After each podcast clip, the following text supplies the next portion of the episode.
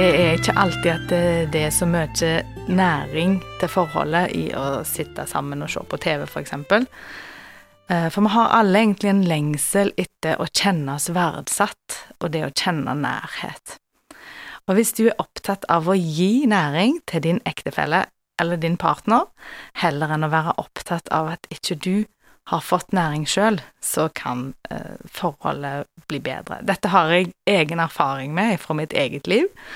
Tidligere så drev jeg og informerte mannen min om alt han gjorde feil. Jeg kritiserte han mye, og jeg gikk rundt og var misfornøyd. Tenkte mange tanker om at han kanskje var feil for meg, og om at han kanskje ikke brydde seg om meg. Vi er langt fra land, vinden er vår sang. Drømmer fulle våre seil. Jeg tolka og misforsto, og valgte et negativt fokus. Det har heldigvis snudd, eh, og jeg vet ikke om det egentlig har skjedd så mye endring med han først, men det var i mitt hode og mitt fokus, eh, og, og da snur ting etter hvert. Så når vi heller er opptatt av å gi næring heller enn å få, så kan ting vokse. Da er det mer potensial som løses ut. Når vi føler oss elska, så får vi lyst å elske tilbake.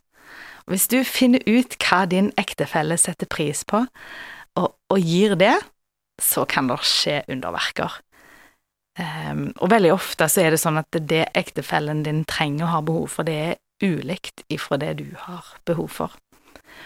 Og vi kan heller ikke kreve å få noe, men vi kan spørre, og vi kan informere om hvordan vi har det, og si hva vi trenger, og ikke anta at den andre automatisk vet hva vi trenger.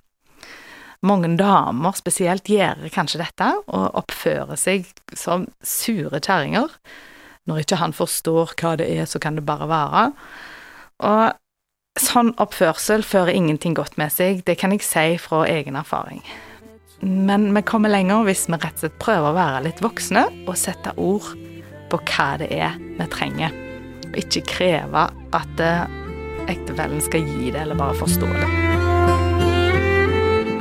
Det hjelper å se langsiktig på forholdet, og planlegge at det skal være livslangt, og at du skal gjennom mange faser og årstider i sammen. Så må vi velge å sette pris på de gode sidene og dyrke fram styrkene.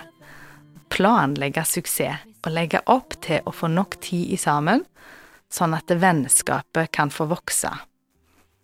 Eh, I 1. Peters brev 3.7 så står det på samme måte, dere menn, vis, vis omtanke i samlivet med kvinnen. Vi har i dag snakka om det å bygge et sterkt fundament for at forholdet skal være stabilt, eh, og neste gang skal vi jo snakke mer konkret om hvordan vi kan bygge det fundamentet. Og oppsummering og anbefalingen for i dag er å ha en to timer lange date, kun dere to, og eh, en gang i året reise en tur eller ei helg sammen og bruke tid i lag, bare dere to. Lage deres egne minner, bare dere to, og kose dere i lag og ha det kjekt i lag, og ha fokus på det som er positivt. Det betyr ikke at vi skal ignorere det som er negativt, og late som om det ikke fins, eller fortrenge å legge lokk på. Det fins, det trenger vi ikke å legge skjul på, det gjør det hos alle, men det handler om hva vi gir mest fokus til.